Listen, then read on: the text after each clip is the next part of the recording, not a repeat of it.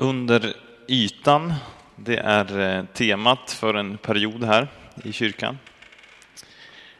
Och den här predikan heter Under ytan där tron formas.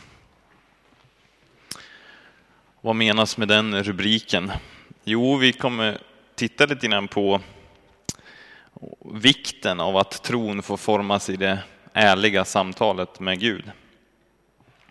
Inte i strålkastarljuset när vi har garden uppe, utan i det stängda rummet kanske, där vi kan vara helt ärliga med Gud.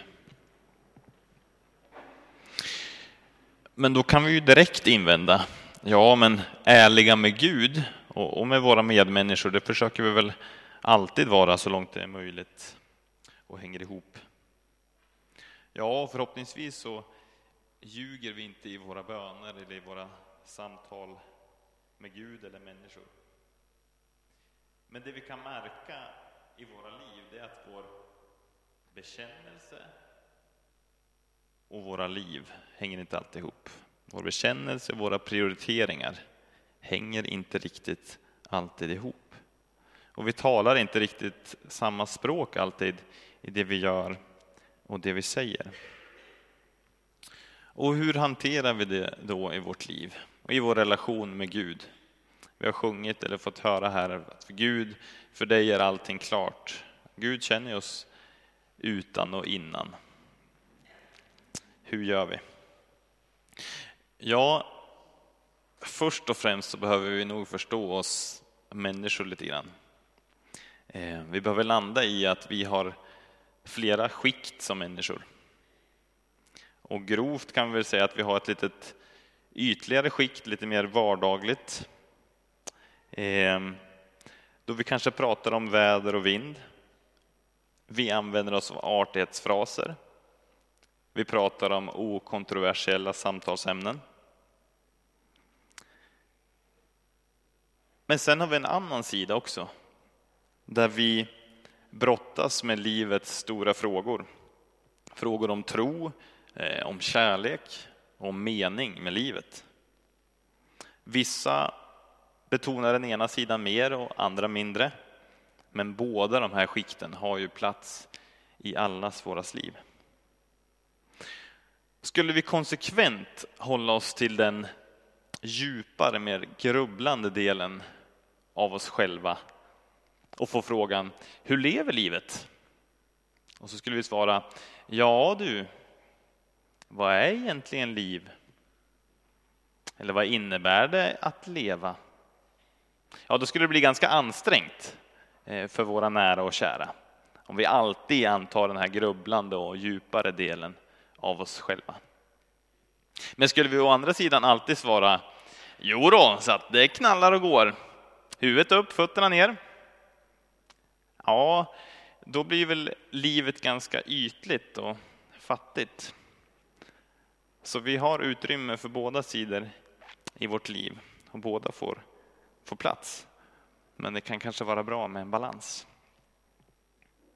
Alltså, att ha lite grann av det här, eh, de enklare mötena, där vi kanske inte lyfter allting av vår djupaste sida. Det behöver inte vara någonting i motsatsförhållande till vad vi är eller lugnaktigt, utan det är att det finns utrymme för båda och och vi kan få välja våra tillfällen. Men det är viktigt att vi inte helt låser bort den ena sidan eller den andra. Och jag tror att vi behöver delar i tron som kanske också är lite ovanför ytan, lite mer fastslagna. Där det inte är så mycket grubblande och vridande och vändande, utan där det finns goda riktlinjer som vi får förhålla oss till. Trosbekännelsen, den apostoliska. Vi tror på Gud Fader allsmäktig. Kanske är den en sån, en sån riktlinje som vi får förhålla oss till. Absolut kan vi få brottas med den och vända och vrida på den också. Men i många och långa stunder så kan den få vara en godtagen kurs som vi förhåller oss till.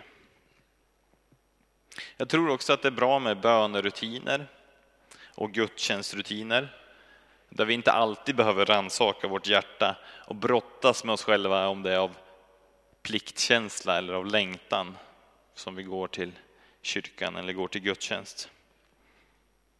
Utan det finns utrymme för fasta rutiner som hjälper oss i vårt liv och i vår tro.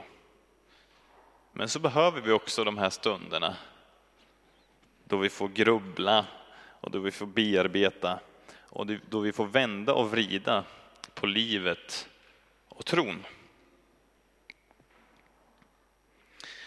Så människan är alltså både och, både det djuplodade och det ytliga. Det enkla och det mer komplexa eller avancerade. Ja, och är livet bara yta, en med ord fastslagen bekännelse som vi aldrig låter vårt hjärta bearbeta eller brottas med, ja, då finns risken att vårt hjärta blir ganska hårt också. Och att vi inte känner den heligandes beröring när det är dags för en ny riktning i livet. Utan då håller vi oss till den med ord uttalade kursen. Som kan vara bra, men det behöver också få finnas stunder då vi jobbar med vårt hjärta så att Gud kan få beröra oss. Då vi går ner lite djupare kanske. Men det får heller inte falla åt överandlighet där det blir ett teoretiserande och vändande och vridande till oändlighet då vi nästan biter oss själva i svansen. I Predikaren kapitel 7, vers 30 så kan vi läsa någonting eh, som jag tror ligger i linje med det. Och där står det att Gud skapade människan enkel och rak, men hon hittar på alla möjliga konster. Jesus, han var snickare. Paulus var tältmakare. Det fanns och det finns utrymme för det praktiska i livet och i tron. Och så är det vissa som säger att kristen tro, tron, det är inte först och främst en religion, utan det är en relation. Och vad menas med det då?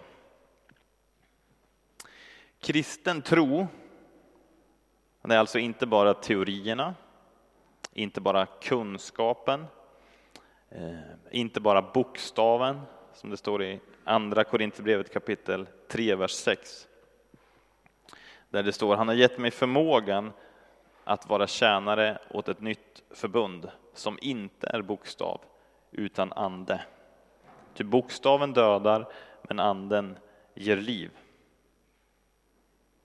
Alltså, om vi bara bygger vår tro på regler och färdiga uppfattningar så finns risken att vår frihet, vår av Gud givna frihet som människor, kvävs och tas friheten i tron bort till förmån för fastslagna regler, ja, då tas också fundamentet för Guds kärlek till oss bort.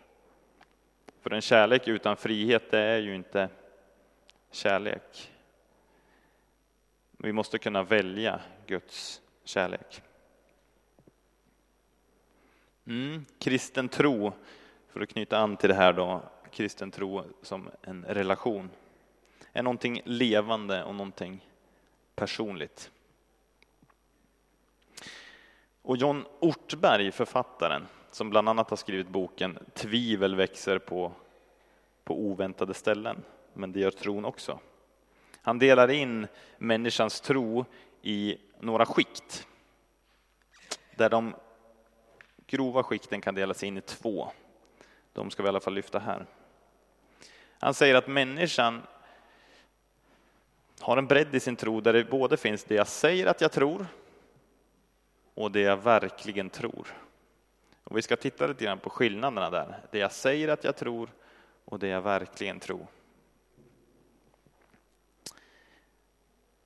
Och det här är ingen stege som han lyfter, utan det här är bara olika områden som vi kan befinna oss i vid olika tillfällen i livet.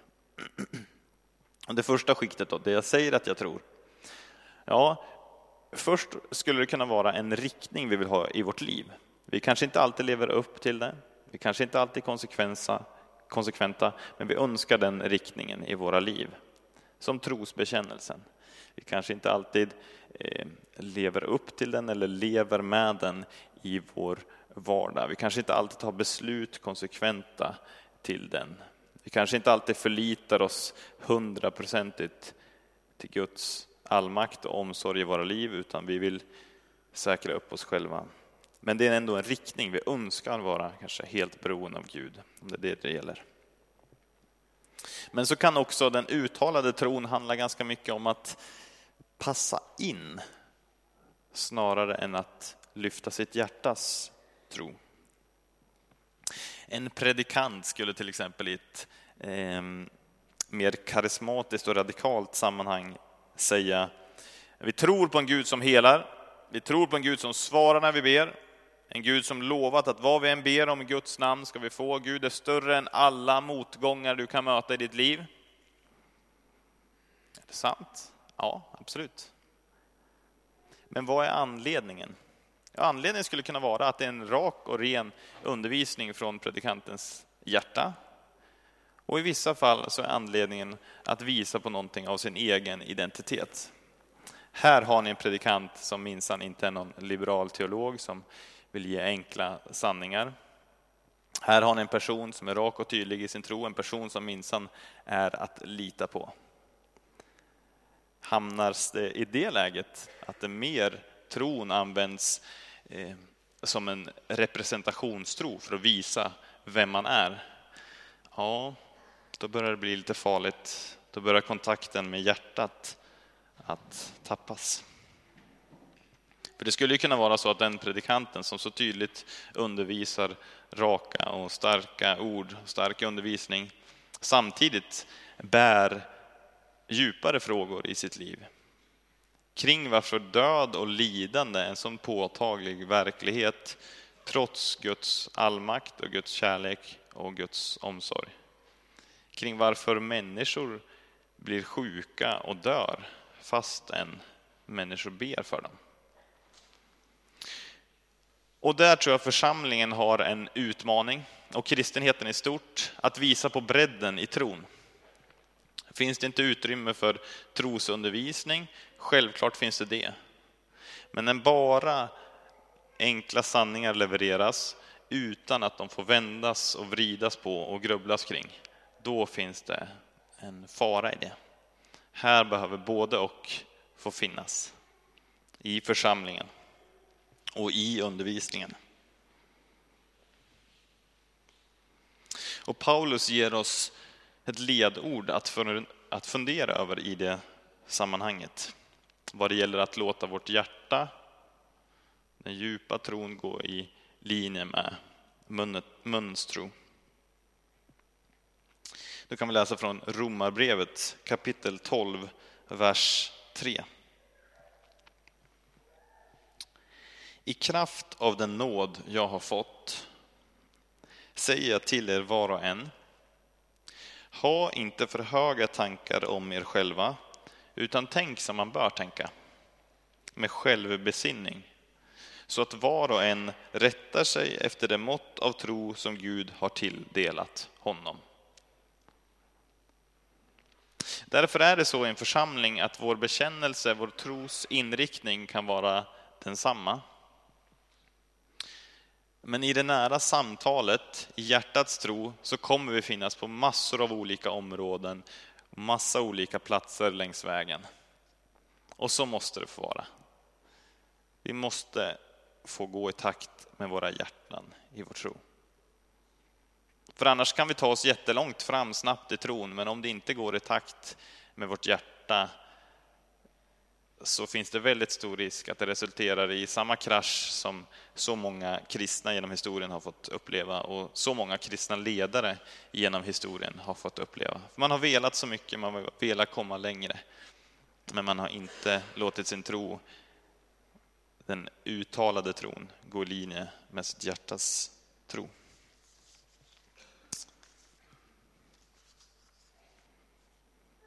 Ja, vart står vi själva här? Har vi kanske släppt ambitionen att lära känna Jesus för att vi tycker att tron alltid krockar med den verklighet som vi ser runt omkring oss? Vi känner att det inte hänger ihop. Eller håller vi en färdig tro i vårt huvud som är klar och tydlig, men som inte har fått landa i vårt hjärta? Vart står vi själva här? Låter vi, ger vi utrymme för vår uttalade tro att gå i linje med vårt hjärta?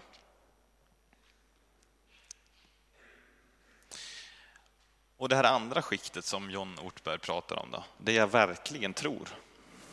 Ja, det är ju kanske lite enklare och kräver inte lika många förklaringar och exempel.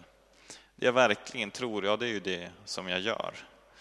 Eh, jag tror att det är viktigt med uppmuntrande ord för att bygga barns självkänsla. Så jag uppmuntrar. Eh, jag tror att isen håller. Jag går ut på isen kanske ganska enkelt den djupaste tron. Men utan att fastna för mycket i tanken om tron som indelade i de här vattentäta skikten så tror jag i alla fall att det är viktigt och bra för oss att vara uppmärksamma på när våra ord och vår tro inte riktigt hänger ihop. För ser vi inte längre att vår djupaste tro landar i handlingar utan vi tänker att vår tro, det är bara de ord vi uttalar. Det är bara den bekännelse vi formar med våra ord. Ja, då finns risken att vi tror oss vara färdiga. Och då finns också risken att vi tappar vår ödmjukhet och vårt beroende av Gud. Risken om vi tänker oss att vår formulerade tro är den färdiga tron, det är att vi i församlingen och i den egna bönen sträcker på oss och omedvetet kanske tar plats i det här färdiga trosskiktet. Och gör vi det i församlingen eller i bönen, ja, då är risken att de tillfällena av bön eller av gudstjänstliv blir mer en prestation och någonting att bära upp snarare än att bli buren av. Så här tror jag Gud verkligen vill peka på vikten av att vara hellre ärlig och liten så att han får bära oss än oärlig och duktig. För då får vi bära livet själva också. Men om vi då förlikar oss med att vårt liv och vår tro är i mångt och mycket eh, trasigt, eh, det hänger inte alltid ihop, eh, det är behov av stor nåd om vi som Paulus inser den litenheten och beroendet, då kan vi få stämma in i det som vi läste här som inledningsord från Andra Korinthierbrevet kapitel 12, vers 9. Då kan vi ta emot av det också. Men han svarade, min nåd är allt du behöver. Ja, i svagheten blir kraften störst. Därför vill jag helst skryta med min svaghet, så att Kristi kraft kan omsluta mig. Jag gläds åt svaghet, förolämpningar, svårigheter, förföljelser och nöd när det är för Kristi skull. Ty när jag är svag, då är jag stark. Så vi får kunna landa i vår svaghet och vår litenhet, för vi ser att det också är ett tillfälle då Jesus får omsluta oss och bära oss. Och i Lukas kapitel 18, vers 10-13 så kan vi också få se ett exempel på den här starka, självuppburna bönen och den svaga, beroende bönen. Det är två bedjande män.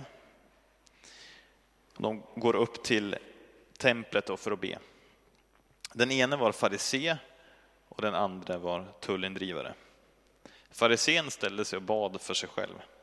Jag tackar dig Gud för att jag inte är som andra människor, tjuvar och bedragare och horkarar, eller som tullindrivaren där. Jag fastar två gånger i veckan. Jag lämnar tionde av allt jag köper.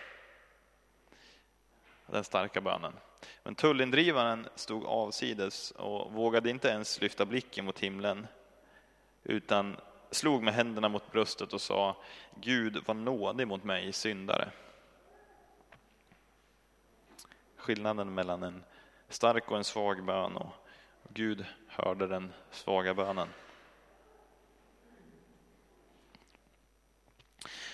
Och om vi med jämna mellanrum märker att vårt hjärtas bekännelse inte håller med vårt, vår muns bekännelse. Och om vi märker att vi många gånger fortsätter att be starka böner trots att vårt hjärta ber oss att landa på jorden och be svaga böner. Ja, då får vi be till Gud om nåd och så får vi också se att det är många gudsmän och gudskvinnor inom historien som har haft det på samma sätt. Och vi ska ta ett exempel med eh, kung David. Ehm, och sammanhanget är här att David, han håller på att förbereda ett tempelbygge. Han får aldrig genomföra det själv, men han är i, i full färd med förberedelserna.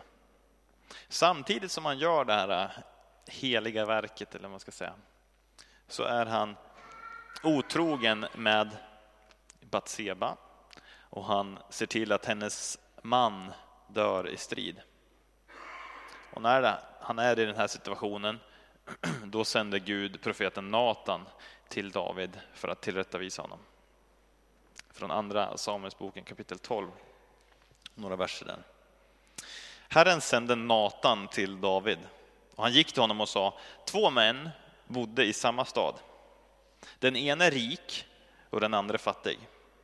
Den rike ägde får och kor i överflöd. Den fattige ägde ingenting utom ett enda litet lamm som han hade köpt och fött upp. Det fick växa hos honom och hans barn. Det åt av hans bröd och drack ur hans bägare och låg i hans famn. Det var som en dotter för honom. En dag fick den rike en gäst, men han ville inte ta något av sina egna djur för att laga det till sin gäst, utan tog den fattiges lamm och anrättade det. David blev ursinnig och sa till Natan, så sant Herren lever, den mannen har förtjänat döden. Och lammet, det ska han ersätta sju gånger om, för att han handlade som han gjorde och för att han var så obarmhärtig. Du är den mannen, sa Natan. Den smällen. Va? Hjärtats bekännelse och tro som är väldigt tydlig, väldigt stark, väldigt rak på sak. Eller den uttalade tron ska jag säga. Som är väldigt stark och tydlig. Och så har vi hjärtats tro här. va? Som har varit någon annanstans, som har uppfattat någonting annat, tänkt någonting annat. Och här möts de i en stor krock när han blir tilltalad av Natan. När han får se skillnaderna här i sitt liv, det han har uttalat och det han faktiskt har gjort. Men det som händer är ju underbart. David skulle kunna gjort som många andra kungar som blev tilltalade av profeter. Han skulle kunna se till att döda Natan, se till att det här, när Natan börjar fingra på hans fina eh, yta, så skulle han kunna se till att döda honom. Men han gör inte det, utan han landar på jorden, han inser sin synd, han vänder sig till Gud. Och vi kan läsa om det också Davids närmare känslor i det här sammanhanget ifrån Saltaren kapitel 51. Och då ber David till Gud. Förbarma dig, Gud, i din nåd. Stryk ut mina synder i din stora godhet. Gör mig fri från all min skuld och rena mig från min synd. Alltså här är inget, ja men du vet jag är kung, jag, jag var sliten. Eh, jag behövde en kvinna en stund. Det var inget sånt liksom. Utan det var förbarma dig Gud i din nåd, stryk ut mina synder i din stora godhet. Gör mig fri från all min skuld, rena mig från min synd. Jag vet vad jag har brutit. Min synd står alltid inför mig. Mot dig, bara mot dig har jag syndat. Jag har gjort det som var ont i dina ögon. Du har rätt när du ställer mig till svars. Den dom du fäller är rättvis. I skuld är jag född, i synd blev jag till i min moders liv. Och så stannar vi upp lite grann med den här sista versen. Du som älskar ett uppriktigt hjärta, ge mig vishet i mitt innersta. David landar inför den här sanningen att det, det, är kanske inte framförallt förberedelserna inför tempelbygget, det är kanske inte framförallt det här storslagna, det här han kan uttala och formulera med sina ord. Utan du som älskar ett uppriktigt hjärta, ge mig vishet i mitt innersta. Den relationen önskade han med Gud, han förstod att inget av det här andra var någonting värt i jämförelse med det. Åtminstone att allt det här andra, det bottnade i den relationen. Och sen så ber han vidare från vers 9, som vi kan läsa också. Rena mig med isop från min synd, tvätta mig vit som snö.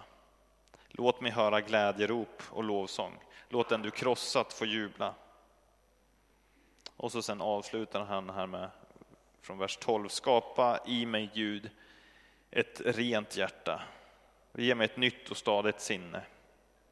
Driv mig inte bort ifrån din närhet. Ta inte ifrån mig din heliga Ande. Guds kärlek ges villkorslöst. Guds kärlek ges villkorslöst. Vi sjöng det tidigare också, vi fick det sjunget för oss att trots den jag är, trots att jag inte förtjänar det, så älskar du mig. Trots att jag inte förtjänar det, så älskar du mig. Men risken är att vi på samma sätt som vi försöker duga bland människor, så försöker vi duga bland Gud. Vi kanske landar här uppe i att Guds kärlek ges villkorslöst. Men så tänker vi ändå att vi kan ju komma med ett litet bonustillägg. Gud ger sin kärlek villkorslöst, men så kan jag ju förtjäna det lite grann också. Det blir ju extra bra då. Men så är det inte. För då villkorar vi ju Guds kärlek. Och den kommer bara i ett utförande, Guds kärlek. Och det är villkorslöst. Självklart får vi ju i kärlek till Gud göra alla möjliga saker och, och, lida och kämpa för hans namn. Men när vi i vår egen kraft ska starta ett projekt, då är det ju ingenting värt. Gud ger oss av sin kärlek villkorslöst. Sammanfattningsvis får vår bön vara att vi ber Gud att han hjälper oss att vara ärliga. Att vi får anta barnets tro, en tro som inte visar sig i välformulerade ord, utan som visar sig i att den går i takt med vårt hjärta. Och där bönen inte framförallt är duktig, utan ärlig. Och får vi göra det, ja, då kan vi leva i barnets tro och ta emot Guds villkorslösa kärlek. Vi ber tillsammans.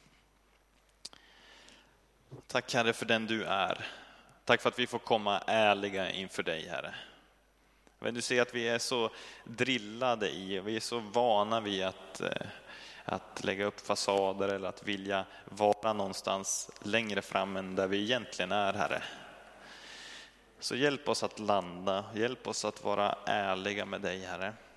Hjälp oss att se vår litenhet så att vi kan få se din storhet och vårt beroende av dig Herre.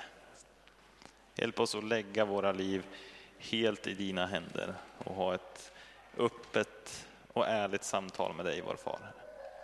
Amen.